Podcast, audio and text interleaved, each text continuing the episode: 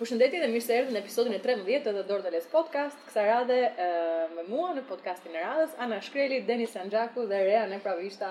Vajza mirë se erdhët. mirë se të Kësaj radhe është një podcast i veçantë për mua, po dhe për ne kam përshtypjen, sepse është një podcast i dedikuar grave, si flitet për gratë, si flasin gratë dhe cila, cili është ai kontekst social dhe gjuhësor që na imponon në një farë forme atë që një pjesë të asaj që ne jemi sot. Edhe muaji mars është muaji i aktiviteteve dhe manifestimeve i të kolektivit feminist dhe të disa organizatave për mbrojtjen e grave, megjithatë mendoj që mm, aksioni edhe diskutimi për gratë nuk duhet të limitohet vetëm Në muajin mars, po sigurisht, kurdo që ne kemi mundësi të diskutojmë, uh, është moment i mirë për të folur për, për ne në shoqëri. Edhe Deni do doja ta nisja me ty, um, e do doja që të flisnim pak në lidhje me mënyrën se si na policojnë ose pse na policojnë ne në shoqëri, sipas uh, asaj që ti ke studiuar, asaj që ti mendon dhe asaj që ti je. Përgjigjja e shkurtër do ishte që Nuk i duhen gratë e lira pushtetit patriarkal. Um, jetojmë në një shoqëri kapitaliste patriarkale, e cila në në qendër të vet uh, ka institucionalizuar maskilizmin, uh, e përjedoi, domethënë, um, si me thënë, ushqen disa vlera të caktuara shoqërore në të cilat uh, gratë janë të nënshtruara, të kontrolluara, dhe e kanë vendin e tyre, e kanë në kuzhinë, e kanë në dhomën e gjumit, e kanë në, në pozicione pune më pak të favorshme, janë më, keq, më të keqpaguara, më pak të përfaqësuara në hapësirën publike. Sepse hapësira publike është ajo që u jep grave pushtet, uh, është ajo që u jep, jep personave një lloj uh, patjetër një lloj autoriteti dhe një lloj peshe në këtë hierarkinë e hierarkinë e pushtetit. Um, pra për t'u kthyer te policimi, është e rëndësishme për mendimin tim për ta parë domethënë në kontekstin historik se ku ka nisur ky lloj uh, konsolidimi i këtyre normave, i këtyre normave gjinore apo i këtyre normave morale dhe shoqërore, në të cilat uh, si me thënë udhëhiqet shoqëria jonë sot, dhe kjo është pikërisht uh, Më kujto, Industrial Revolution, revolucioni industrial. revolucioni industrial. revolucioni industrial në shekullin 18 fillim shekulli 19. Ëm duke qenë se ishte e nevojshme ëm hapja e fabrikave bëri të mundur që të kishte një lloj masivizimi të fuqisë punëtore, ishte e nevojshme që gratë të kyçeshin në hapësirën private në mënyrë që të kujdeseshin ëm për të larë shplarë e gatuar për këtë fuqi punëtore dhe jo vetëm aq, po edhe për ta riprodhuar biologjikisht fuqin fuqin punëtore.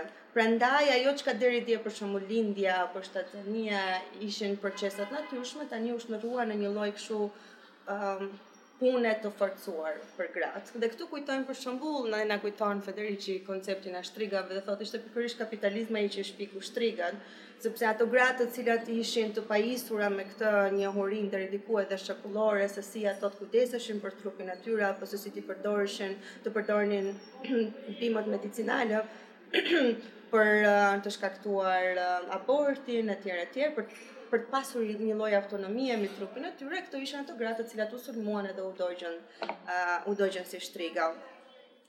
Këtu lind në një farë forme një lloj institucionalizimi i policimit që i bëhet trupit të gruas, sepse i rikthehem pra Federicit, Federici thotë trupi i gruas është dhe makina e parë që ka zhvilluar kapitalizmi. Mm -hmm E për rrjedhojë, domethënë të gjitha ato format e tjera, që me kriminalizimin e abortit, apo mosqasje në, në, në kontraceptiv, apo um, kodifikimi i veshjes, apo kodifikimi i gjuhës, të gjitha këto pastaj janë forma të cilat manifestohen në kohë të ndryshme, dhe bëjnë të mundur që të ketë një lloj imprisonment, një lloj burgosjeje të gruas brenda disa kornizave morale apo disa kornizave seksuale të caktuara.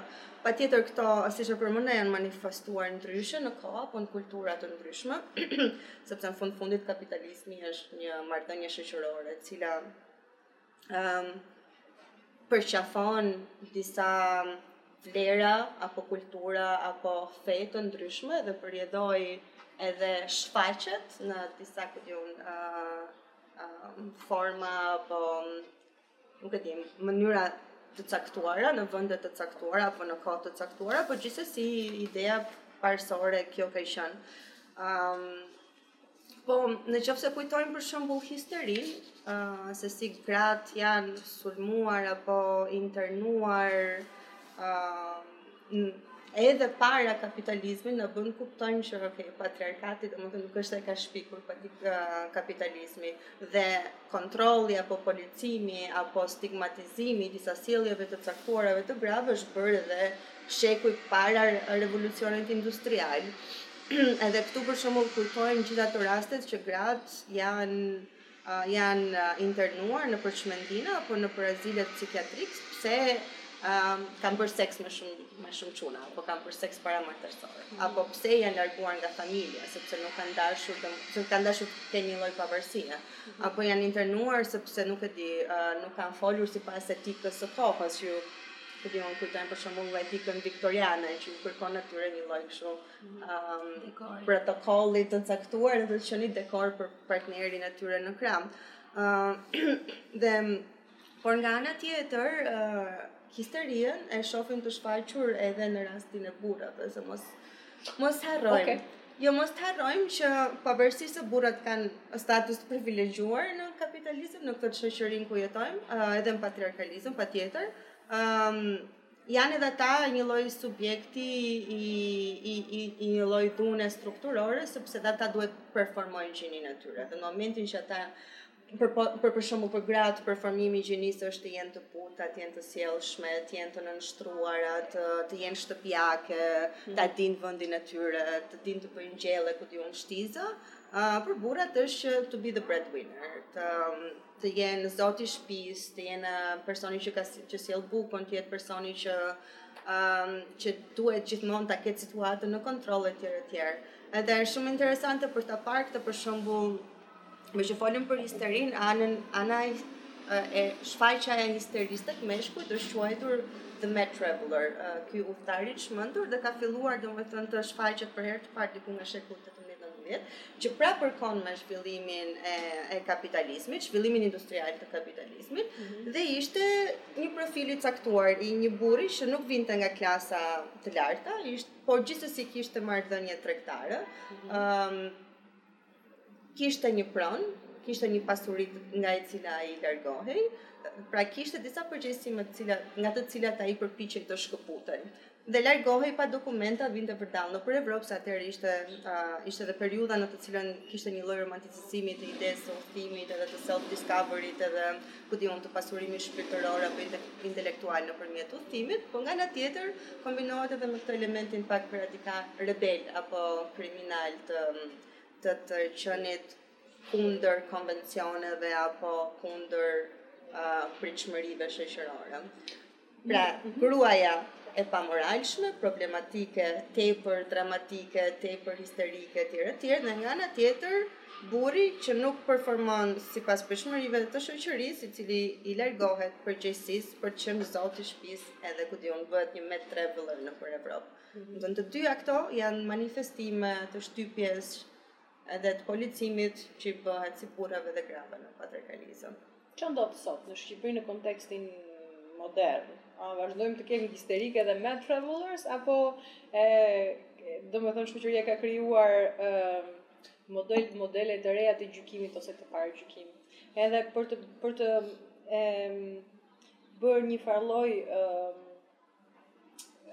po themi prezantimi të asaj që unë kam marr prej, domethënë historisë, librave të shkollës, të gjatë kohës kur ti rritesh e krijon identitetin tënd si njeri dhe si grua, gjithmonë nëpër në mitologjinë shqiptare ose nëpër legjenda është gjithmonë fati i një gruaje e cila është gjithmonë në në në domethënë në zotërim të vëllezërve të, të saj më të vegjël ose më të mëdhenj të babait e e të cilën e pret një fat i tmerrshëm edhe një fat një fat i sakrificës që e përcaktojnë burrat e shtëpisë si për shembull Rozafa, si për shembull Argjiroja që u hodh nga nga kalaja që t'i shpëtonte pra turqve që donin ta merrnin si Doruntina e kështu me radhë. Edhe çfarë ndodh me ne, edhe kjo është një pyetje e hapur për për për të gjitha ne këtu, çfarë ndodh me ne në momentin që ne fillojmë e identifikojmë veten si një qenie e dytë, pra si një qenie jo jo kryesore në në zhvillimet shoqërore. Çfarë ndodh me ne ose më saktë çfarë ka ndodhur me ne në këto 30 dhe 40 vitet e fundit, si pasojë e kësaj shtypjeje e, jo vetëm domethënë sistematike, po edhe leksikore, edhe letrare, edhe, edhe mitologjike, e kështu me radhë. Dhe për mua më duket shumë interesante me diskutu këtë pjesë. Unë e di që ti Rea e, mhm. je, je marrë me, me studimin e legjendave edhe me, me, me nevojën për të ritreguar historinë, Edhe do doja që të diskutonim për këtë pjesë. Çfarë impakti ka tek ne? Në fakt, legjendat janë pa kohë, duke qenë që edhe janë përçuar edhe gojarisht, pra nuk e dimë kur kanë lindur dhe aq më shumë nuk e dimë edhe në çfarë territori, sepse ka edhe përplasje, ka lindur këtu, ka lindur atje, po gjithsesi përkasin gjithsesi një baseni kulturor të, të përafërt. Dhe kur ne flasim për 30-40 vitet e fundit ose edhe për një shekull, në fakt legjendat na japin disa të dhëna dhe disa mesazhe mbi mënyrën se si është se si ne mendonim që prej mijëvjeçarësh ndoshta. Mm -hmm. Jo, dhe këto janë gjëra që ne na vijnë në fakt nga shumë larg. Në fakt, përpara se t'i, t'i futem këtij diskutimi, doja, doja të, të, të bëja një parantezë në lidhje me mënyrën se si identiteti shoqëror, në këtë rast identiteti shqiptar, lidhet me këto legjenda. Sepse kur ne mundohemi që t'i t'i kritikojmë, të bëjmë një kritikë ndaj këtyre legjendave dhe gjërave të, të jo të mira që ato përmbajnë, një pjesë e shoqërisë ndoshta ndihet e lënduar për faktin që ne e sulmuar në identitet, sepse po sulmoni ose pse po prekni identitetin tonë kombëtar, këto janë tonat, mos na e prekni Kostandinin, mos na e prekni Rozafën. Po pse e preke ti? Po, po në fakt unë i kam prekur. Okej. Edhe këtu ka dy diskutime për të bërë. Diskutimi i parë është që patriarkati nuk është problem shqiptar, mm -hmm. edhe pse ne na ndonjëherë e vendosim veten qendër të botës, patriarkati është problem mbarëbotëror, mm -hmm. është problem edhe suedez, edhe danez, edhe afrikan dhe i gjithë botës. Pra, këtu nuk kur flasim për patriarkatin shqiptar e bëjmë sepse ne vim vijmë nga këndvështrimi shqiptar, por kjo s'do të thotë që patriarkati është vetëm shqiptar, është është një sistem mbarëbotëror. Mhm. E para kjo, që njerëzit mos të ndjehen që po preken. Do përqej që po, po preken adreson haters. Ja, fillova kështu, adresoj haters, po. Jo, e fillova nga disa problematika që ne i vërejmë që janë të gjalla në Shqipëri. Edhe gjëja e dytë, Dhe gjëja e dytë që është e rëndësishme për të thënë është që legjendat, këto legjenda ose këto mite që ne kemi, në fakt ato pasqyrojnë realitetin.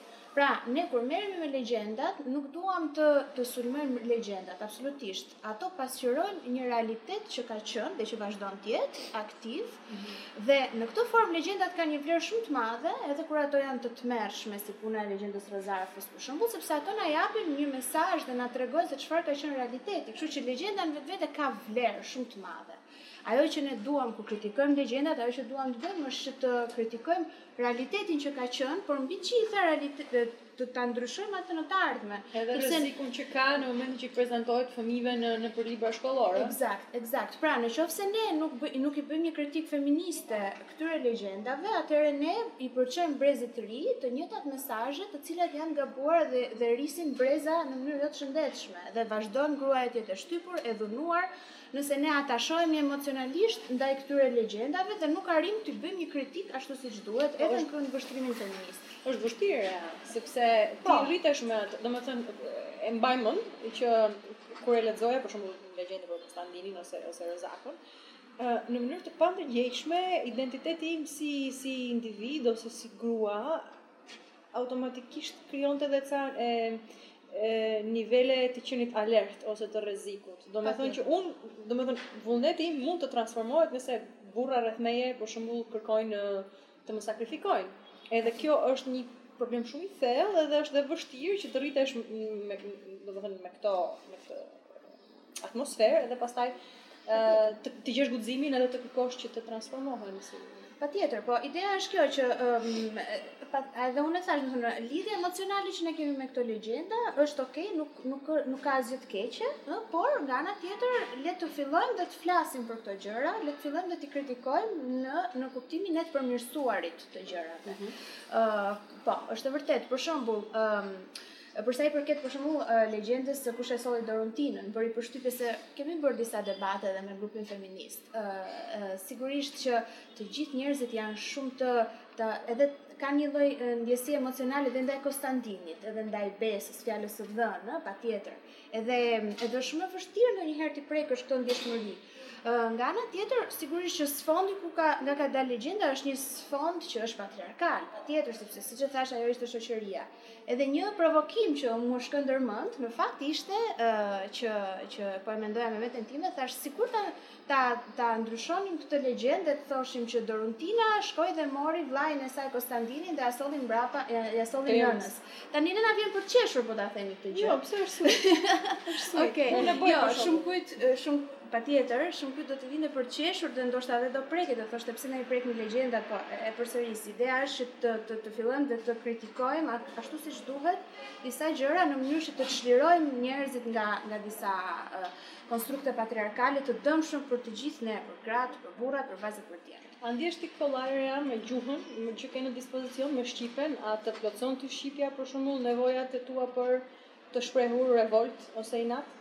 Ë, jo gjithmonë, në fakt, ë, ka disa gjëra që janë pak më të vështira, edhe ë, sigurisht gjuha është është si të thuash pjesa më e më e thellë për për të komunikuar, ë, është mënyra më Më e thellë që ne kemi për për të komunikuar jo vetëm gjuha, por gjuha është një nga më të rëndësishmet, edhe lidhet patjetër me gjithë konstruktin tonë, po unë faktikisht doja të, të ndalja pak tek ajo që ti përmende, që ishte pjesa e sakrificës, yes. meqë e përmende dhe unë kalova te identiteti, po dua ta, mm. dua ta prek sakrificën. Po dhe unë të marr pak stilolapsin. Pa, okay. Ti do shkruash tani që jo, po po shënoj, po shënoj, po shënoj. Okej. Atëherë, ë është shumë e rëndësishme kjo pjesë e sakrifikimit, ë dhe sidomos ke ke Rozafa del në mënyrë del në mënyrë shumë të qartë. Atëherë, ë pse ë disa njerëz shumë shumëkush mund të thotë që sakrifica është sublime. Të sakrifikohesh për për që të mbash në këmbë një komunitet dhe kështjellës është diçka sublime. Tani, E para, sakrifica është sublime nëse nëse nëse bëhet me zgjedhjen e personit, me zgjedhjen e lirë dhe me dëshirën e lirë të personit. Pra mhm. nëse koincidon me me me vullnetin e njeriut. Nëse ne jemi një grup i madh njerëzish dhe na hidhet një një një një, një situatë, një sfidë dhe dikush thotë a, a do njeri që të sakrifikohet për një të mirë më të përbashkët unë kisha bo në vend të po, sakrifikohem unë kisha bo shumë mirë por nëse unë ngre dorën dhe them po unë me dëshirën time të plotë dua ta bëj atëherë kjo mund të ketë një farë martirë pra ok po. ok po dhe aty do arrij por nëse kjo është e parazgjedhur që si fillim duhet ta bëjnë gratë pra nuk vendoset fare në diskutim që të jetë diçka e barabartë midis grave dhe burrave po si fillim duhet ta bëjnë gratë dhe akoma më shumë pastaj ia japin në si barrë një individi këtu nuk kemi asnjë lloj as sublimiteti as heroizmi asnjë gjë për për të qarë edhe për të thënë ua ç'është kjo po edhe për ta brendësuar që nëse Rozafa sakrifikoi atëherë unë si grua kam një mision të jashtëzakonshëm, pra nëse burrat duan që unë të sakrifikohem për ta I will no. është shumë e rëndë është shumë e rëndë sepse po. mund ta ndjej që është pjesë e identitetit tim domethënë do sakrifikohem unë like anë më do sakrifikohem shumë e rëndë është po, është është akoma më e rëndë kur është e përbrendësuar Jo, do të shtoj thjesht një gjë në mbështetje të asaj që po ta shikosh domethënë edhe në qasjet tona sociale, e dimensioni që gjithmonë sublimohet, domethënë sa te gratë është dimensioni i sakrificës. Nuk e di a e ke vënë re edhe në debat në debat publik, edhe në retorikën dhe në ligjërimin publik, gjithmonë mamaja e sakrificës, motra e sakrificës, gratë bëjnë sakrificë më të madhe etj etj. Në njërën anë e parë në mënyrë sipërfaqësore kjo mund të tingëllojë si një kompliment, por në fakt nuk është, sepse qoftë se ti veprimtarinë time e relegon vetëm në sferën e sakrifikimit, Këtu pastaj ka një problem, më kupton? Domethënë, është tamam ajo që, ok, atëherë unë si grua në qoftë se heq elementin sakrifikues, sakrifikoj karrierën për household, sakrifikoj karrierën për fëmijët, sakrifikoj nuk e di, lirinë time publike, se, por dhe ti mua këtë ma mbiçmon, mm -hmm. tregon që në këtë mes pastaj ka një agjendë, më kupton, e cila aktivitetin tim e drejton si vlerë vetëm në vlerën time sakrifikale. Prandaj më më trigger kjo që the ti. Ja, absolutisht, është shumë është shumë e vërtetë kjo dhe për t'u kthyer tek tek për t'u kthyer prapë tek miti, në fakt zëri i Rozafës nuk dëgjohet deri në momentin që që asaj, jo, Rozafa, momenti i parë kur Rozafa fillon dhe flet dhe ka një dëshirë dhe shpreh një dëshirë është Mirë, më murosni, por më lini përjashta gjirin. E tmerrshme, dyfish... Exact, exact. Pra, e, në fillim nuk pyetet fare, nuk dëgjohet fare, zëri i saj nuk ekziston, zëri i saj fillon të mëket deri diku kur ajo ka një dëshirë dhe kjo dëshirë është përsëri një dëshirë funksionale ndaj patriarkatit. Mm. Pra më lini që unë të kri, të bëj edhe e vdekur ose e murosur. Të vazhdoj të kem funksionin e nënës, e riprodhimit që është përsëri diçka patriarkale. Domethënë, kjo është është është too much. Çfarë është shumë një një një farë lloj, një farë gjenialiteti i keq. Një farë lloj inception, domethënë, nëse ti del prej kësaj, atëherë sakrifikohu, po n'rregull, po prap në shërbimin tim. Prap në shërbimin tim, po dhe edhe kjo është dhe, kurse dimensioni i dytë që doja që ta ta nxirrja pak në pah, për sa i përket sakrificës gjithmonë tek Rozafa është Ideja e individit dhe grupit. Pra, oh, eh, okay. shumë njerëz, po, shumë domethënë mund të duket sikur në të mirë të grupit, të hapësirës publike, mm. të të mirës më të madhe, që kalaja të rrijë në këmbë, okay. dikush sakrifikohet. Okay. Atëherë, eh, këtu ka një problem shumë të madh, sepse nuk mund të ketë një grup një shoqëri, një një një një sistem më të madh, i cili në bazën e tij ka zhbërjen e qenies njerëzore. Mm. Nëse ne zhbëjmë qenien njerëzore grua, nuk mundemi që të krijojmë asnjë strukturë më të madhe shoqërore, komunitare, e cila të e cila të jetë e shëndetshme dhe të funksionojë. Mm. Kështu që edhe kjo pjesa që dikush që që një qenie njerëzore të sakrifikohet për grupin ka një një ndarje dhe një raport shumë të shumë të, të delikat. Edhe unë mendoj që uh, unë mendoj që nuk mundemi të krijojmë asnjë gjë të përbashkët, mm. asnjë kala të përbashkët nëse ne e themelojmë këtë gjë mbi zhbërjen e dinjitetit njerëzor aq më shumë të një gruaje. Dhe kjo na e dëfton përvoja jonë me regjimin totalitar siç ishte ai që kaluam. Pikërisht, pikërisht. Regjimi totalitar atë bën në fakt, zhbën identitetin individual në kurriz të një hegjemoniteti, ku di unë, të kolektivit. Eksakt, eksakt. Kjo është pikërisht, domethënë, fal për për të dhënë sigurinë, për të dhënë edhe atë përkatësinë e individit ndaj një grupi që është e rëndësishme për qenien njerëzore, se të gjithë duan përkasin diku mm. në një grup më të madh, në një komunitet, Por nëse kjo balancë prishet dhe pastaj njeriu, qenia njerëzore zhbëhet prej kësaj atëherë arrijmë te diktaturat, tek fashizmi, tek nazizmi ose tek diktatura e shkuar në Shqipëri. Ka edhe një moment shumë të rëndësishëm në atë që ti the që është fenomeni i male gaze ose domethënë në, në pothuaj të gjithë legjendat, por edhe për veprat në përgjithësi që ne kemi lexuar, mungon shumë zëri i grave përjetimi i grave në letërsi. Edhe mua më duket shumë interesante kjo. Po diskutonim një ditë me Deni në Facebook me komente, sepse ishte një vajzë që kishte ngrit një parullë në shqip që shkruante fuck you, fuck you ose not one more edhe tha. Edhe ne që jemi shqiptare kemi shumë kollaj të themi fuck you në anglisht ose ose t'i shprehim ato ngjyrimet e revoltës në një gjuhë të huaj, po në shqip nuk para, ose për shembull kur shkuam me bën protestën, unë kisha shumë dëshirë të bërtisja atje, por nuk më dilte. Edhe fakti që nuk më del është jo se s'do doja, po se prej frenimit shumëvjeçar që nuk vajzat e mira nuk bërtasin aty pa arsye ose nuk bërtasin se kanë revoltë. Edhe më duket shumë interesante kjo pjesa që um, Ne nuk e kemi mar, nuk kemi marrëdhënie ne si gra, nuk kemi marrëdhënie me gjuhën, po edhe domethënë me e pa një herë me me fjalët që kanë kontekst. Mm -hmm. po mhm. themi të pist ose të ndyrë, po edhe fjalë që shprehin revoltë. Mm -hmm. e, për shembull, është shumë nëse flasim për shembull për fjalë të shara apo. un kam një problem personal me këtë sepse edhe nëse un lirohem prej kësaj sikletit që nuk e them dot në publik, Edhe nëse e them nuk më nuk më nuk më plotëson, nuk më shijon sepse nuk është një gjuhë e krijuar për mua. Edhe s'e di Ana, ti me punën që bën në në në Berg, edhe me me leximet e tua të letërsisë shqiptare. Ëm um, How do you feel about this? Ti si e ndjen kur thua? Jo, unë do t'ja nis çik më herët, dhe unë do ta nis për për meritë pikërisht kësaj që folim deri tani që patriarkati është një sistem shoqëror i cili sigurisht nuk prek vetëm Shqipërinë dhe gjenezat nuk i kanë vetëm në Shqipëri, dua ta nis tek dëshmia më e vjetër letrare që kemi sa i takon marrëdhënies së grave me të folurit. Ë uh, sepse ka diçka, uh, gjuha, pra si mjet komunikues, shprehës, po dhe si mjet lirues, pra si mjet liberator. Në rastin e grave për mua shkon në po themi shkon krah për krah me procesin e heshtimit në vetvete. Mm. Okej. Okay. Që do të thotë, ë uh, gjithë diskursi i grave ndër shekuj karakterizohet nga heshtimi. Mm. Pra dikush i ka thënë në një moment që nuk duhet të flasin. Kjo është është për mua është thelbësore, shumë e mhm. rëndësishme.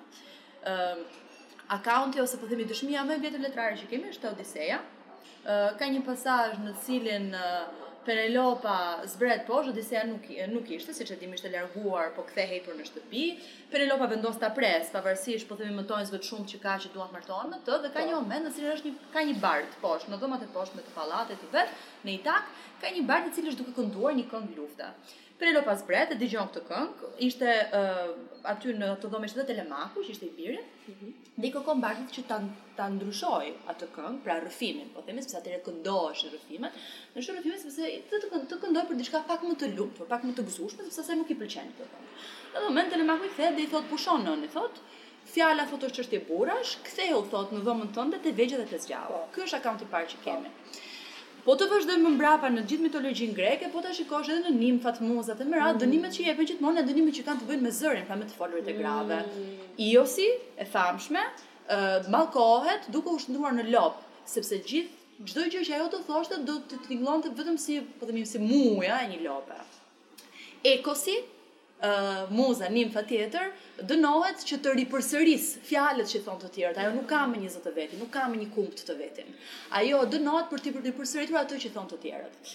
Dhe çfarë ndodh? Në momentin që ne shikojmë këtë traditë, shikojmë që gjithmonë zëri i grave është heshtuar, zëri i burrave është ai që ka dalë në pah, sa i takon gjithmonë ligjërimit publik, ligjërimit të arsyes, pra çdo gjë që dilte nga sfera e punëve households, punëve që punëve që bësh në shtëpi ose për shembull në në kohë romake akauntet që jepen janë që grave i lejohet të flasin sa i takon për shembull çështjeve të seksit thuhet e bardhë e zezë, të bardhë i lejohet lejo i lejohet çështjet e seksit gjë tash s'e kena me rak por absolutisht asnjë nga këto gratë nuk mund të dilte në forum dhe të mbronte një çështje ligj ose një çështje ligjore ose një gjë të vetëm publikisht me këtë çfarë dua të them? Me këtë dua të them që këtu ne marrim dhe një teori shumë të bukur të Cheris Kramarae, që quhet që është the muted group theory. Pra, ne do ta pranojmë që në ligjërimin publik në historinë tonë të ligjërimit kemi qenë një muted group, ka qenë një grup i heshtuar.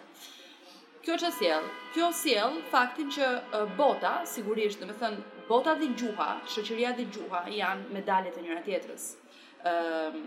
ne nuk kemi një mendim për të cilin nuk nuk kemi një fjalë. Dhe qoftë se na mungon një fjalë, e kemi të vështirë ta përkufizojmë këtë mendim. Që do të thotë, nëse nisemi mbi bazën që për shkak të ndeshtrashave historike dhe mënyrës se si është zhvilluar historia, gratë dhe burrat kanë pas një perceptim ndryshe mbi botën, sepse e kanë patur, sigurisht momenti që një grup është i privilegjuar dhe i favorizuar kundrejt një grupi tjetër dhe perceptimi i realitetit ka qenë tjetër. dhe ti nuk ma lë mua ta shpreh këtë realitet, atëherë do të thotë që gjuha në vetvete si një konstrukt social, sepse është një konstrukt social. Mm -hmm. Gjuha jonë është një konvencion që ne kemi zgjedhur që kësaj gotës t'i themi gotë. Pastaj ka elementë të lindur në ligjërim apo jo është gjë tjetër, por është një konstrukt social. Dhe si konstrukt social, nëse ka patur një grup i cili ka dominuar, tregon që ka imponuar vizionin e vet të botës mm -hmm. mbi grupi tjetër që ka patur një tjetër perceptiv të botës. Mm. Në këtë moment e gjithë gjuha edhe struktura jonë, edhe fjalët që përdorim, lemat, edhe konceptet që kemi vendosur të emërtojmë, ndikohen pikërisht nga heshtimi dhe nga ky lloj perceptimi. Kjo është për arsye që pse shumë ndjesi, sidomos ose fjalë ose koncepte të realmit po themi psikoemotiv po dhe social të grave në shqip nuk gjejnë një etiketues nuk gjejnë një shenjues uh, unë isha duke e menduar dje dhe është shumë interesante ta shohësh si zhvillohet gjuha në këtë këndështrim uh, turpi Ëh, se edhe kjo lidhet tabuizimi në vetvete, pra tabuizimi i një fjale specifike, tabuizimi i një shprehjeje specifike. Tabuizimi është hapi i parë drejt heshtimit. Do të ti e tabuizon filan koncept, filan fjalë, edhe nëse të ekziston dhe e heshton. Duke folur me time gjyshe, për shembull, po flisnim për turpin që uh, përbëjnë periodat ose cikli. Në jo vetëm në kulturën shqiptare, por sigurisht reflektimi edhe në gjuhën shqiptare. Mm. Ne, për shembull, çka kemi bërë? Brezi im të paktën, po dhe brezi i mamasë sime, gjithmonë ka thënë, për shembull, më kanë ardhur ato. Mm -hmm. Atoja është një shenjues i cili ti e ke eliminuar lemën, pra e ke eliminuar fjalën, ti e ke eliminuar ciklin e ke eliminuar periodat dhe ke vënë ato që të jetë më ambivalente, po themi me doppio senso ato nuk dihet mirë çfarë janë. Por prap e ke ruajtur sintagmën foljore, pra e ke ruajtur më kanë ardhur, siç do të ishte më ka ardhur cikli, E ke zëvendësuar më kanë ardhur ato. Në kohë të gjyshës time, në vitet 60, përdorej një shprehje tjetër, e cila jo akoma më keq, e cila eliminon akoma, e largon akoma më shumë asociimin me ciklin, sepse eliminon dhe sintagmën foljore. Ato thonin jam graduar oficer, oh. sepse oficer merrje spaletat e kuqe, që në thelb oh, është ligjërim mashkullor. Se më godit ishte kjo. Më godit ishte graduar oficer. E di jam graduar oficer. Po, Nëse do shkoni mbrapsht në kohë dhe do pyesni gjyshet tuaja, Mënyra për të thënë që mua më ka ardhur cikli, është jam graduar oficer. Këtu ka dy probleme, e para ti ke eliminuar çdo lidhje pra jo vetëm lema, po edhe si sintagmë me ardhjen e ciklit, që është një proces plotësisht natyral, Dhe për më shumë, jo vetëm e ke eliminuar, po e ke mbivendosur me një ligjërim që është një ligjërim ushtarak, pra është një ligjërim, një ligjërim më ligjërim mashkullor dhe patriarkal sesa ligjërimi ushtarak, nuk ka në ligjërimin publik. Kështu që Atëherë, hajde të hyjmë dhe të shikojmë sa nga perceptimet e grave mbi botën janë realisht të pasqyruara në të gjithë bagazhin e koncepteve që ne kemi në shqip. Nëse në anglisht ne e kemi njohur uh, baby blue si depresioni postpartum, mm -hmm. që mhm. është një është vërtet një fazë shumë e, e, e kudondodhur dhe, dhe e rëndësishme në jetën e një gruaje që vendos të bëhet prind. Ne në shqip nuk kemi asnjë fjalë për baby blue. Po ça ndodh, duke mos patur asnjë fjalë, ti nuk mund të shprehesh dot gjendjen psikoemotive në cilën ndodhesh. Asnjëri nuk mund ta kuptojë, ti vetë nuk mund të lirohesh dhe aty këputet procesi i komunikimit, sepse unë duke ti duke mos e elaboruar, duke mos e njohur veten, unë nuk ta njoh ty. Dhe atëherë në atë moment ti je e burgosur. Kështu që nëse duam të shohim ë tamam, po themi çlirimin e gruas nga këto sundus, po themi, duhet të shkuar aq thellë sa që sa ç'janë problemet gjuhësore. Mm. Që uh, janë vërtet shumë shumë të rrënjosura, domethënë ë uh, dhe të duket sikur nganjëherë perceptimin që ti ke, problemin që ti ke, inatin që ti ke, mlefin që ti ke, ë uh, mënyrën se si ti ndjehesh, të kanë dhënë në dispozicion disa mjete që nuk janë mjetet e tua dhe është tamam sikur ta shohësh të detyrohesh ta shohësh botën nëpërmjet syve të dikujt tjetër. Në momentin që e shpreh nëpërmjet një gjuhe që nuk t'i ofron ty mjetet gjuhësore. Për këtë gjë, se mbase u zgjata shumë, po doja të thoja që Uh, kjo ka prodhuar nisma shumë interesante sepse gjithë ideja kush është ideja nuk është që ne tani duhet ta ndryshojmë gjuhën radikalisht mm. sepse atë nuk e bën dot Gjuha është një konstrukt social i cili rrjedh ndër shekuj, nuk ka asnjë njeri që të imponon dot ty që sot do heqësh të do bësh këtë. Kjo është diçka që siç është e gjallë dhe nuk të imponon dot njeri, në të njëjtën mënyrë është e transformueshme, që do të thotë, nëse ti arrin të edukosh qenie gjuhësore të vetëdijshme, pra një fëmijë kur përdor një diçka, kur mëson gjuhën, kur përdor filan fjalë, kur um, merret, po themi, me trajtat leksikore, me lemat, me fjalët, me shprehjet e ngurtësuara frazeologjike, me shumë gjëra, ideja është që njerëzit duhet të vetëdijësohen, mm -hmm. sepse zgjedhje specifike masive, çojnë pikërisht në updatimin e një gjuhe që sigurisht është gjithë kohës mhm. në transformim.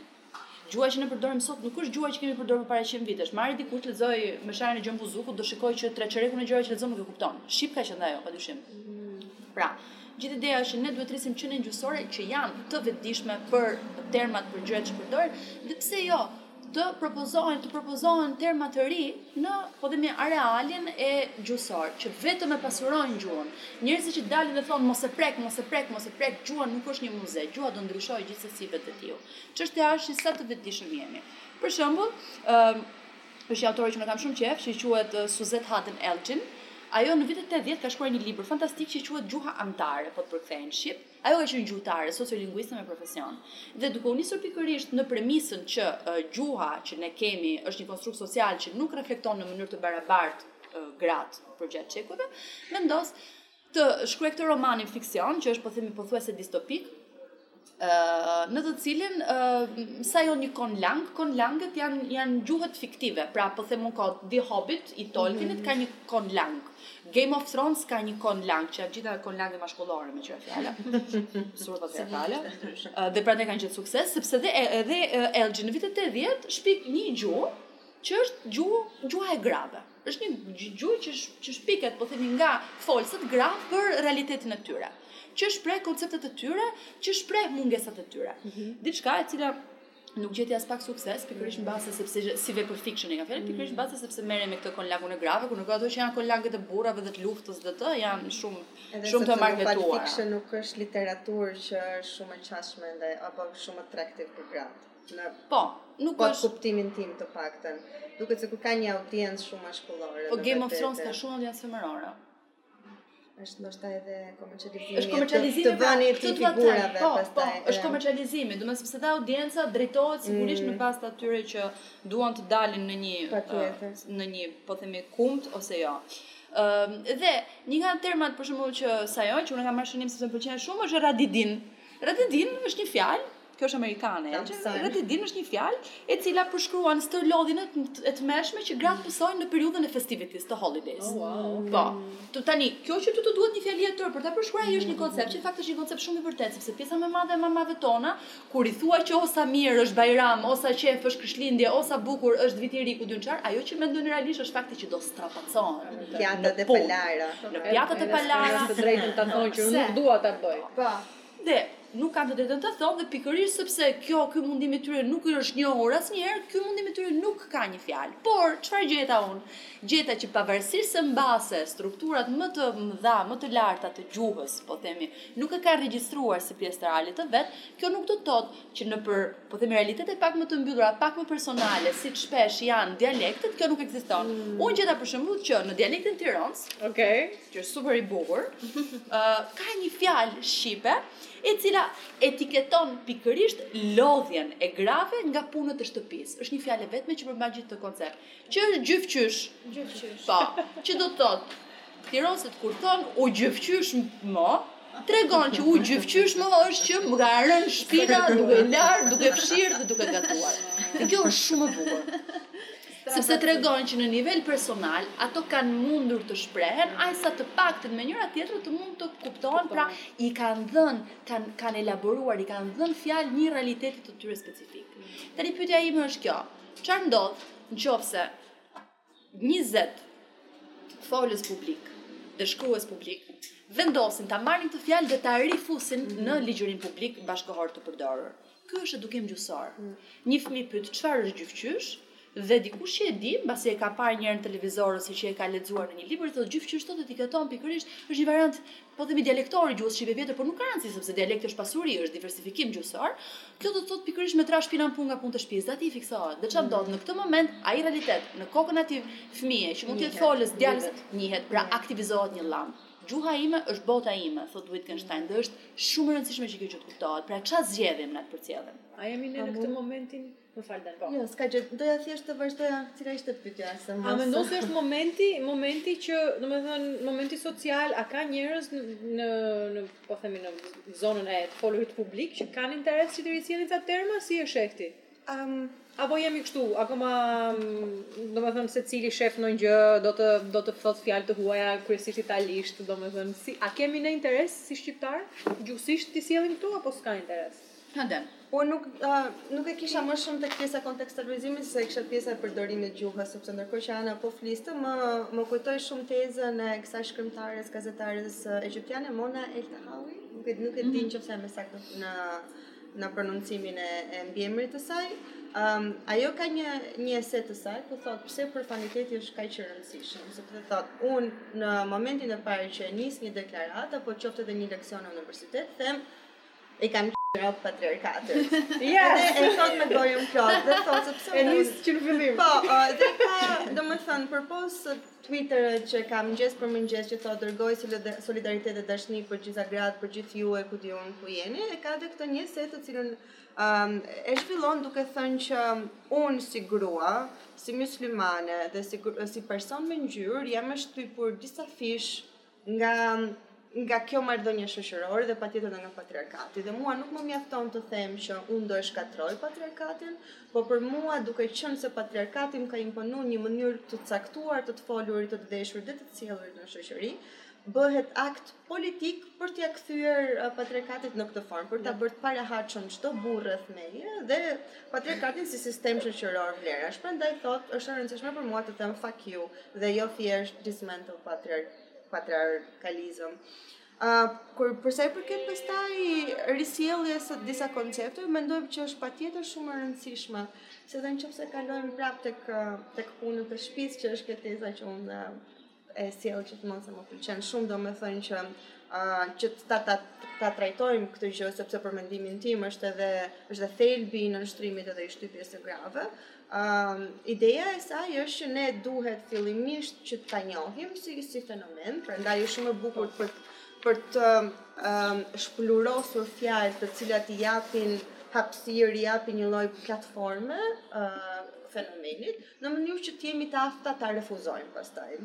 Uh, unë nuk njoh fjalë të cilat mund t'i risjell, sepse ndoshta nuk e kemi pasur aftësinë për ta perceptuar apo artikuluar uh, në një formë që është pastaj gjuhësore apo e pranueshme shoqërisht, por që patjetër më duket shumë interesante, domethënë uh, dhe më duket patjetër një akt politik mënyra se si mund të trajtohet gjuha në mënyrë që të të sjellë vëmendjen te çështjet që janë të rëndësishme për gratë, në mënyrë që ato pastaj të bëhen pjesë e ligjërimit publik. Çfarë është vështirë për t'u artikuluar në publik për ty dhe? E kam shumë të vështirë të artikuloj ndjenjat e mia. Ndjenjat. E bëj shumë shpesh në anglisht. Më duket sikur më mungon fjalori, më mungon jo vetëm fjalori, por më mungon fiks Mjetet për të shprehur dashurinë në shqip. Na, edhe këtu më pëlqen shumë ai libri All About Love Bell Hooks, ku thotë domethënë që ne jetojmë në një shoqëri të lovelessness, të mungesës së dashurisë, ku sidomos burrat nuk nuk jemi të pajisur me mjetet apo me artikulimin për të shprehur ndjenjat apo emocionet apo um, çdo gjë që ndodh brenda nesh, prandaj ne uh, zgjedhim um, të adhurojmë, domethënë, vdekjen, apo pa, vër, pavërtetësinë, apo zgjedhim, domethënë, të adhurojmë një lloj shoqërie që shkon pas materiales, pas lakmisë, pas, uh, pas disa vlerave që nuk janë vlera shpirtërore. Dhe këtë unë e shoh vetë, sepse në shoqëri, si shoqëria tradicionale shqiptare, për shembull më ka munguar shprehja e dashurisë së tim eti. Po edhe më gjerë në familje, domethënë, nuk, me, nuk them që as ajo, as Hooks nuk thotë që mungon afeksioni apo mbajtja e përgjegjësisë, apo përkujdesi në familje, po mungon pikërisht ajo shprehja e shpirtërores, të, të ndjerit i pranuar, pa kushte, mm. i të ndjerit i besuar, i të dhënit të përgjegjësisë, uh, i të ndërtuarit të një lloj hapësire ku ti ndihesh edhe i barabartë, domethënë fiks i pranuar për atë që je. Mm. Edhe kjo lloj shprehi mua mua më ka munguar e për rrjedhoj e gjej dhe shumë të vështirë edhe vetë për ta komunikuar jo vetëm në familje, por edhe në marrëdhëniet e mia shoqërore apo dhe intime. Mm. Më vjen shumë më lehtshëm në në në anglisht. Po pastaj ok, dhe të folurit politikisht më vjen më lehtë në anglisht sepse kam lexuar gjithë jetën në anglisht dhe ne nuk kemi përshtatur sjell është shqiptarizuar koncepte të caktuara për shembull intersectionality të cilin ne flasim gjithë gjithë kohës mund të jetë ndërthurje por nuk është ndërthurje dhe bëmë një përpjekje me po e bëjmë akoma është në vazhdim me Radical Sense, uh, me këtë grupin e leximit feminist, ku ne kemi sjellë me Anën, uh, me Rean, me Doruntinën, uh, uh, Aurorën, Gresën, Vasilikën, një grup uh, uh, vajzash të cilat... Mikelën. Mikelën, se kemi dhe në grup dhe më doli bora. Ta bërë, e drejtoha kosë.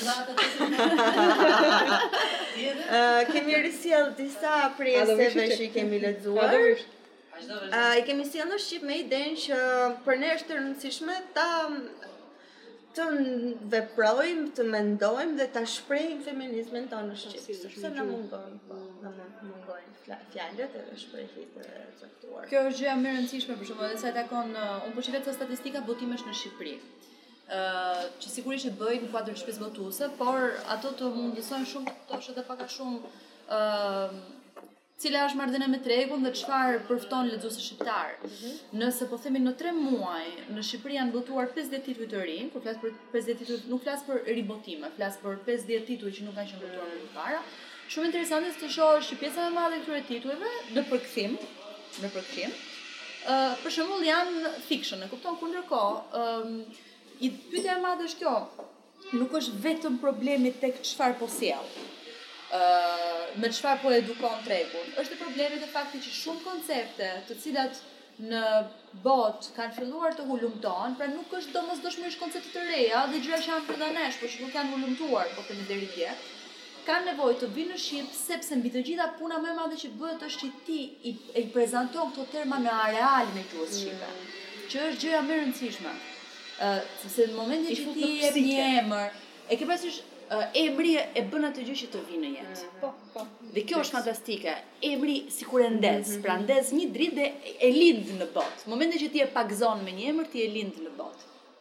E sjell në jetë. Mm -hmm. Dhe kjo nuk është rastësi, për shembull, rëndësia e, e zëmë që kanë emrat për të gjithë traditën dhe kulturën dhe besimet më të lashta të botës, rëndësia e emrit është pikërisht kjo, njerëzit besonin që by giving it a name you bring it into life mm. dhe e aktualizon. Kjo është gjëja më fantastike, por kjo nuk është e rëndësishme, kjo ka mbrapa një ë uh, hulum një një një proces mendimtarie gjuhësore të frikshëm për të kuptuar që në kokën tënde diçka nuk ekziston, ai realitet nuk ekziston nëse nëse ti nuk e di një fjalë, sepse ktu mm. pastaj rikthehemi ke pyetja e famshme që është gjithmonë pula apo veza që është po. mendimi apo gjua. Faktikisht mundesh ti të mendosh pa gjua. Është diskursi që prodhon subjektin, është subjekti që zgjeron diskursin, është subjekti dhe diskursi që edukojnë. Po. Eventualisht pra e e e e, e zmadhojnë, e zgjeron akoma më shumë diskursin.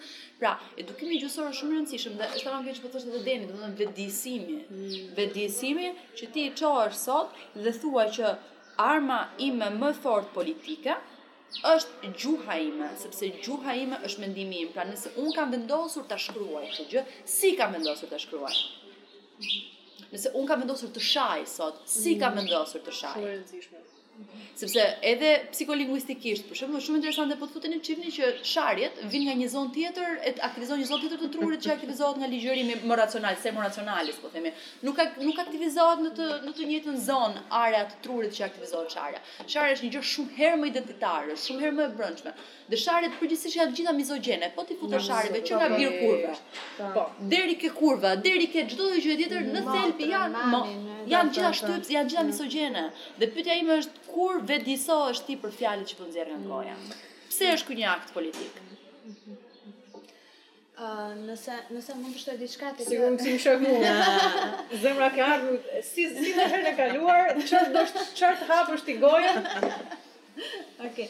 Jo, për t'u kthyer pak për për ta parë çikun përgjithësi, domethënë, nëse gjua shpreh botën tonë psikoemocionale, ë nëse ne kuptojmë se çfarë çfarë bote, në çfarë bote ne jetojmë, e pandërgjeshmja jonë kolektive si lidhet me të pandërgjeshmen tonë individuale, sepse janë të dyja. Atëherë, um, kur, kur, kur shohim këtë, ne kuptojmë që patriarkati, uh, edhe sistemet e tjera që kanë ekonomike me të cilat ai ka flirtuar, apo edhe kapitalizmi mm. i sotshëm, në fakt uh, i kanë vënë i kanë vënë mënyrës së tonë të qenit fytyrën e një burri egocentrik.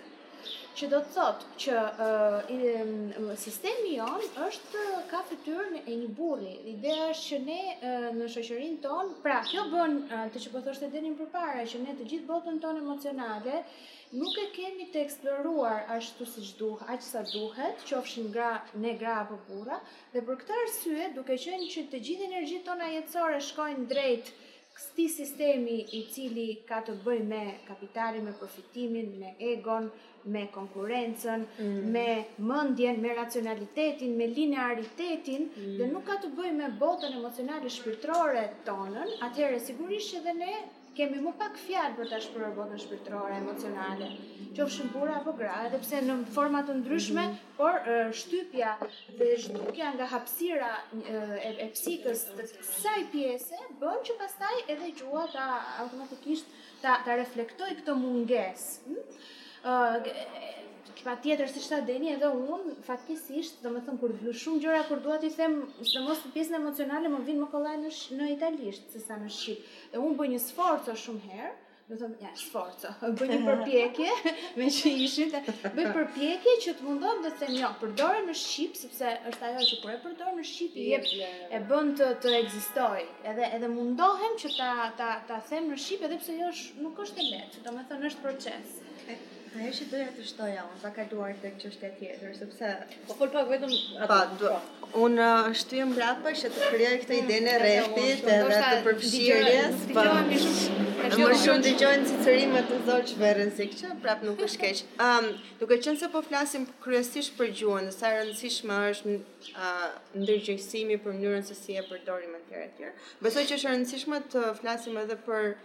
për trupin tonë, se përpos gjuhës, trupi është i vetmi mjet që kemi. Vërtet është makina e parë, siç thotë Federici, që ka prodhu kapitalizmi, por nga ana tjetër është mjeti i parë edhe i vetëm, jo i vetmi, mjeti i parë i rezistencës sonë. Edhe është shumë e rëndësishme pastaj edhe të jemi të ndërgjegjshëm edhe për mënyrat se si i përdorim trupat tanë në këtë rezistencë, trupat tanë në kontekstin e të bërit bashkë në komunitet, në kontekstin e e ku di unë se si e përdorim për të dhënë një mesazh të caktuar, apo se si veshja apo zhveshja, apo thyerja e disa normave të caktuara shoqërore nëpërmjet përdorimit të trupit mund të jetë i rëndësishëm për të dhënë gjithashtu një akt politik. Për shembull, unë mbaj mend nga protesta e e vjetshme e qershorit kundër abuzimeve seksuale, dy vajza i kishin shkruar mesazhet e tyre në trup. Po.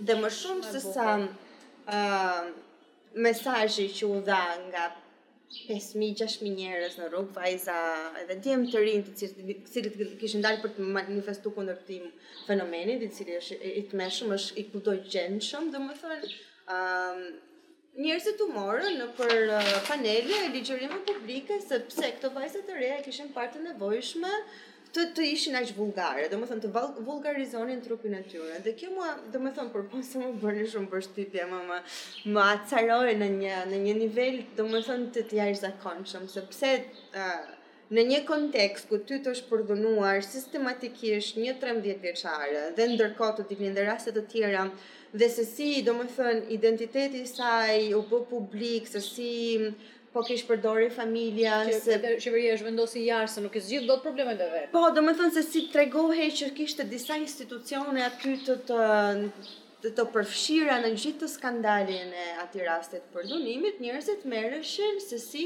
dy vajza kishin për të përdorur trupin e tyre. Dhe është pikërisht ajo që nisëm në, në fillim, se si shoqëria është duke ta policu mënyrën se si ti e përdor trupin, si vishesh apo zhvishesh dhe si i, i shkruan ti ato mesazhe politike si mënyrën e vetëm për të nënshtruar, për të kontrolluar dhe për të të bë ty një lloj mekanizëm dhe një sistem të caktuar që funksionon për të privilegju një grup të caktuar shoqëror dhe për të uh, dhënë disa vlera të caktuara shoqërore. Një ndërhyrje shumë vogël, nëse tek tek kjo që thotë din, nëse kthehemi tek tek Rozafa, Edhe këtu prapë e kemi ikonike, ëh, edhe përdorimin e trupit të gruas nga një nga një tufë burrash, mm. ëh.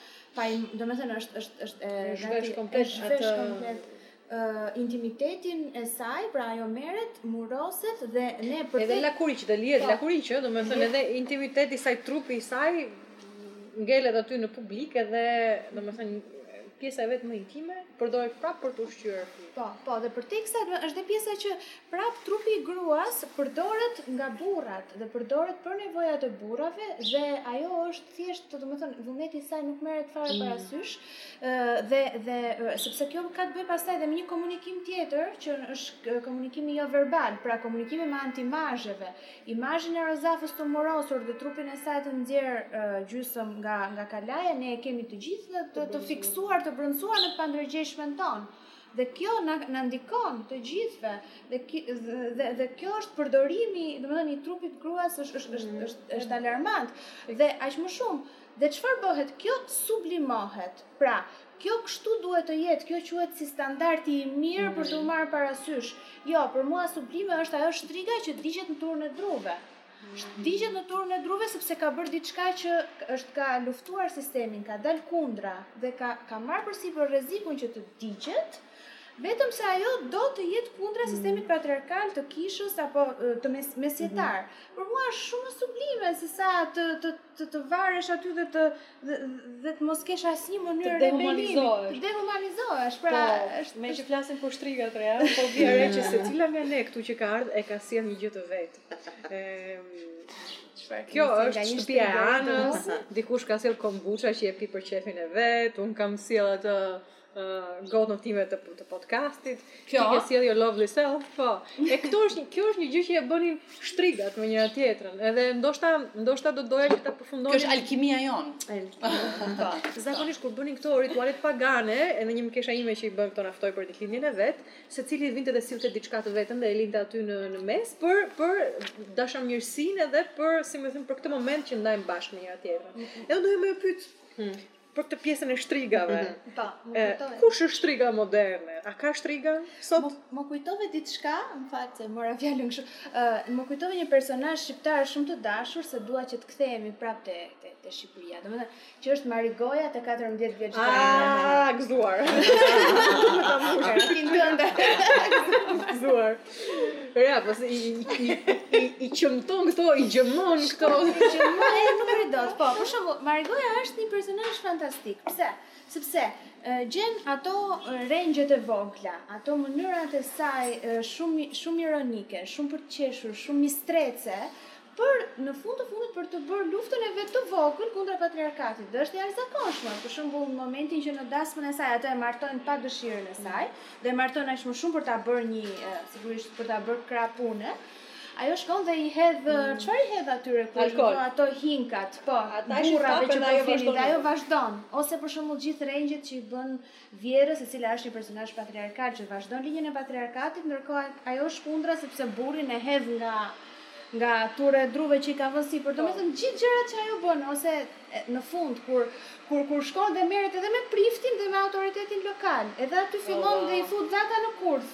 Për mua është një personazh që i afrohet shumë idesë së shtrigës. Pra, ai personazhi që kërkon që vullnetin e vet të dali nga nga nga vullneti i i i imponuar nga patriarkati dhe mënyra se si e bën e bën duke bërë gjëra të vogla, të liga, të këqija, të mistrece dhe ose ajo gjëja që bën prapësira po, që e bën edhe duket qesharak po ai sistemi, jo jo vetëm është fantastike, po ajo e bën qesharake edhe fenomenin dhe gjithë praktikën në të cilat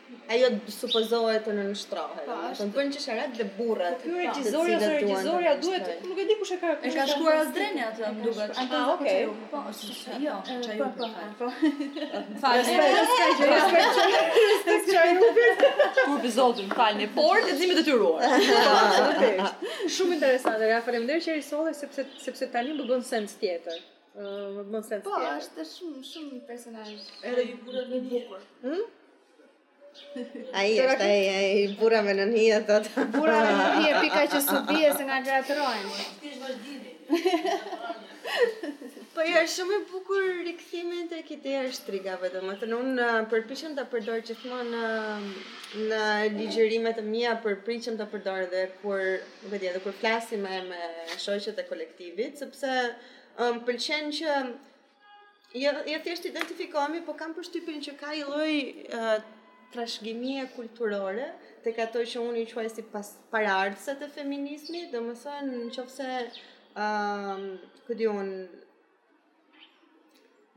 Burrat kanë baballarët e kombit, kanë një lloj kështu identifikimi për të pasur për të për të ndjerë atë statusin dhe pushtetin e tyre. Unë identifikimin e kam me me shtrigat e djegura në turrën e druve sepse ato donin të ishin të lira. Dhe besoj që kemi modele shtrigash në shoqërinë tonë yeah. sa të duam, domethënë. Ë të vajzave dhe grave apo apo lulzojnë në në kështu në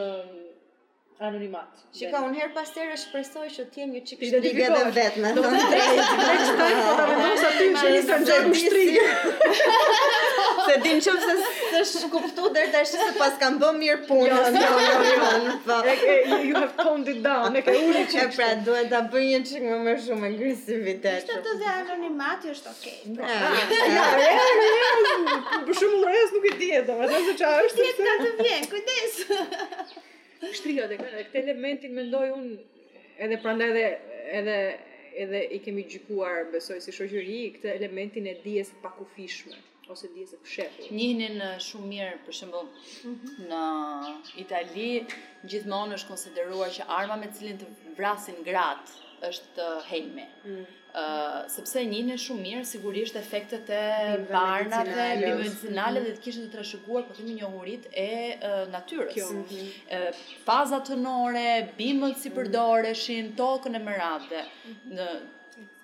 Zonja që ka banuar këtë shtëpi, që jemi këtu. që quhej Safete Tafaj, do ishte vërtet një shtrigë mm. uh, moderne, sepse ajo ka qenë një mjeke popullore. Ah, ajo bënte këtë, ajo dilte në natyrë, dilte mblidhte uh, po themi erëza apo lule apo bimë të ndryshme të cilat përgatiste melhemet e veta, që në thelb ishin kurative mm. dhe siç ishin kurative, ishin edhe I, mund të ishin dhe helmuese, sepse për shembull kur fliste për kungullin e egër, kur bënte ajo 2-3 uh, porcione me kungullin e vet të egër që shëronte filan gjë, thoshte që po t'i po t'i hudhësh pak më shumë, thoshte, mundet me myt një kal. Mm. Pra ajo e dinte, ishte e vetëdijshme për efektet kurative dhe shumë e bukur, sepse është ajo që është balanca e përhershme e jetës. Fiks, yeah. Fiks. Dhe kush e ruan këtë balancë? Ndërmjet asaj që është kurative, por uh, në një moment mund të jetë edhe vrastare pikërisht. Kështu që uh, Ishte dija ajo që kishin ato.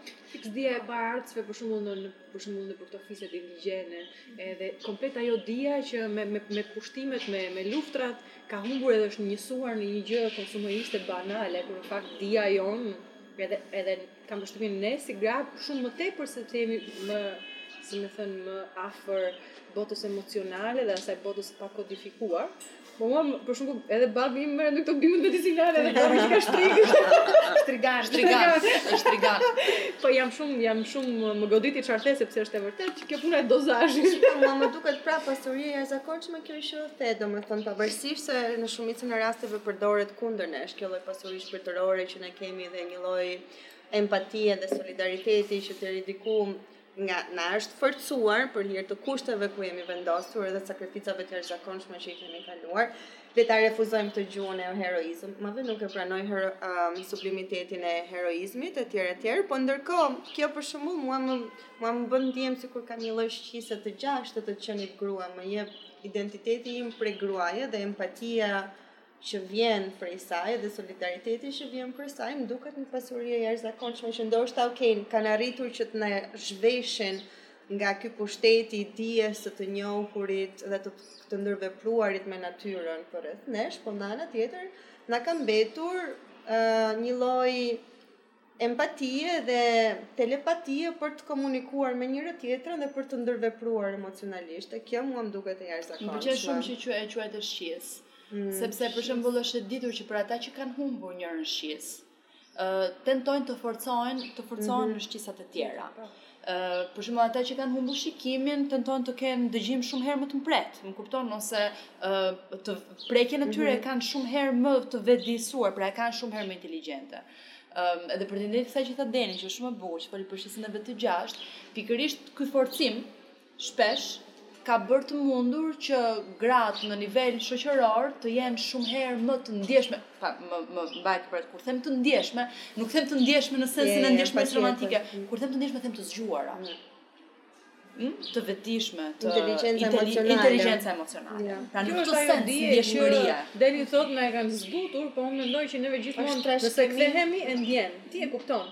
ë fuqinë e asaj që je, ajo lloj kafshe që ti je, pavarësisht se ti mund të zbutesh, të marrin në shtëpi dhe të fërkojnë, ti prapë ngelesh një gjë që i përket natyrës, edhe një një farë lloj ekzistence që është e pa e pa limituar në në në thelb, është një një krijesë që ë funksionon kështu në shoqëri sepse kështu duhet të funksionojë, po ne si gra mendoj e dimë shumë mirë fuqinë tonë që nuk është konvencionale, nuk është e dhunës, nuk është e luftës, por është superfuqi tjetër që është ndoshta për mua shumë afër fuqisë së ekzistencës, fuqisë së krijimit. ë dhe që natyrisht i mungon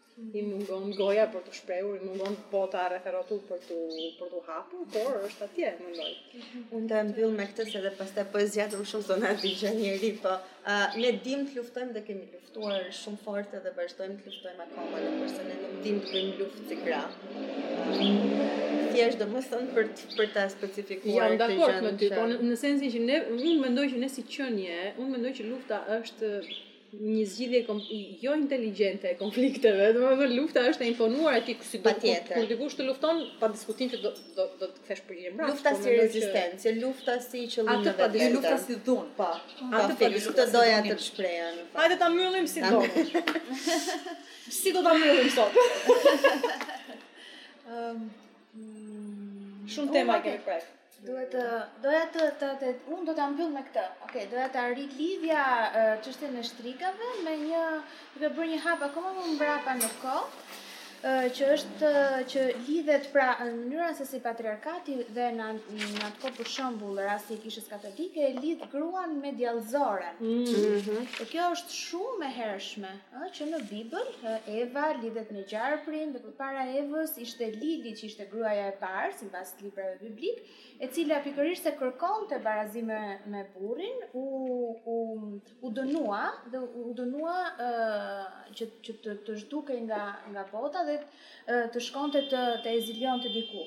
Dhe e, dhe pikërisht në këtë formë kjo vjen pra edhe lidhja e gruas me djallëzoren dhe me shtrigat dhe që me që më përpara me figurën e Lilit, është është një mënyrë edhe për ta edhe për ta censuruar gjithë potencialin dhe fuqinë ekzistenciale të gruas dhe për ta vendosur tek ajo si të thuash tek ai stereotipi që gruaja është kjo që qenia e dëlirë e mirë e dashur e ndjeshme që nuk i përket revolta nuk i përket mm -hmm. fuqia shpirti i saj cili do qoftë ky, ëh, sepse sigurisht që shpirti ka të gjitha arketipet, mashkullore, femërore, si gruaja dhe burri, pra i ka të gjitha. Pse duhet t'ia heqim një pjesë dhe t'i t'i nxjerrim si si si si stereotip vetëm këtë gjë, ëh, dhe kjo është, pra është një është një është një shumë shekullor, një operacion shumë i gjatë, edhe unë do thoja që për ta mbyllur do thoja që t'i nxjerrim të gjitha të gjitha potencialet tona, të gjitha shtrigat, Lilit dhe të gjitha dhe në këtë formë do jemi edhe neve më të balancuara dhe do jemi edhe më të plotësuara dhe do jemi edhe më më më vetvetja. Thank you. T'i zhbëjmë këto binomet gjinore e para, e dyta të jemi më shumë Lilit, po edhe që do të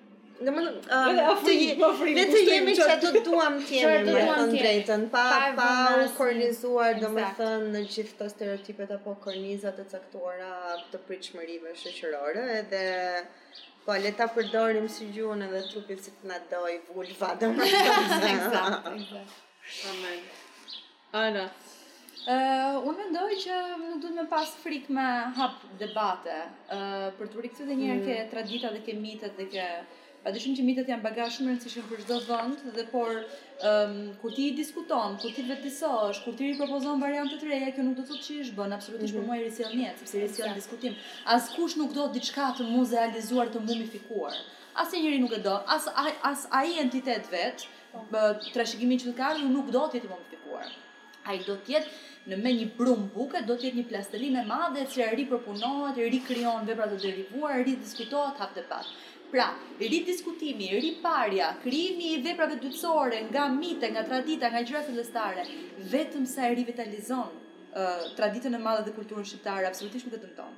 Kështu që për sa kohë që të jetë në diskutim e sipër në debat ajo gjallon. Përndryshe do ngeli një do ngeli një mauzole dhe do ketë tre vetë që do studiojnë dhe ata që sot janë fëmijë as nuk do dinë aspak për çfarë flitet. Kurse kshu është shumë më bukur sepse ti e mban gjallë.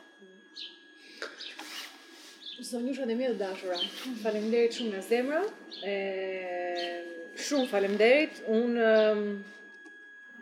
Jam shumë me fat që juve më, më pranoni gjithmonë ftesat edhe që që vini dhe dhe, dhe përgatiteni për të dhënë mesazhe që janë publike. Ju falenderoj shumë nga zemra sepse di që ajo që thoni ka një farloj peshe edhe një farloj edhe e, vjen edhe me një lloj tensioni dhe një lloj presioni sepse ca diskutime që nuk janë hapur për qindra vjet ne po vim këtu edhe po duam që të të me me me shumë siklet të hapim një hapësirë për diskutim të lirë edhe pa diskutim kjo është e mundur prej njerëzve të guxim, guximshëm siç ju jeni në atë që në atë që bëni çdo ditë edhe për faktin që keni kurajon e madhe për të thënë të vërtetat tuaja edhe të një shoqërie që uh,